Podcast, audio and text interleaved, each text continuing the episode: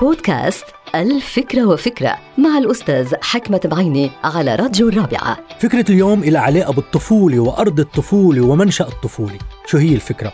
هناك نوع من قناديل البحر اسمه سكارلت. هيدا لا يموت من قساوة المرض ولا من عدد السنين ولا من الجروح البالغة. هو بيعيد إنتاج نفسه وحياته بالعودة إلى قعر البحر إلى المكان اللي خلق فيه وترعرع فيه. هو سليلة أي طفل قنديل. وهالسليلة هاي بتعيش لمدة شهرين كل ما صاب مرض أو جرحت بتعيش لمدة شهرين تقريبا لتتحول فيما بعد إلى قنديل بحر في عمر الشباب ينتقل بين قاع البحر وأعلاه وكأن شيئا لم يكن. يعني هيدي السليلة بس يصيبها أذى بتحمل حالها وبتنزل إلى قعر البحر ترجع إلى منشأ طفولتها ومن هناك تجدد حياتها وتعود إلى البحر مجددا.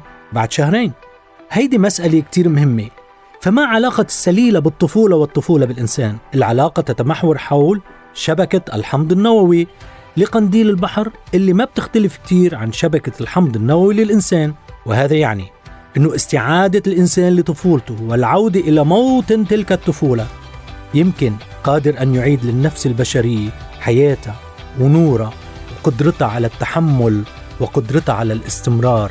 فأي لحظة بتحسوا حالكم أنه أنتم مستائين وحزينين وعندكم مشاكل ارجعوا إلى موطن الطفولة إلى منشأ الطفولة إلى العائلة إلى الوطن وبتحسوا بتحسن كبير في حياتكم الشخصية والصحية. هذه الحلقة مقتبسة من كتاب الفكرة وفكرة.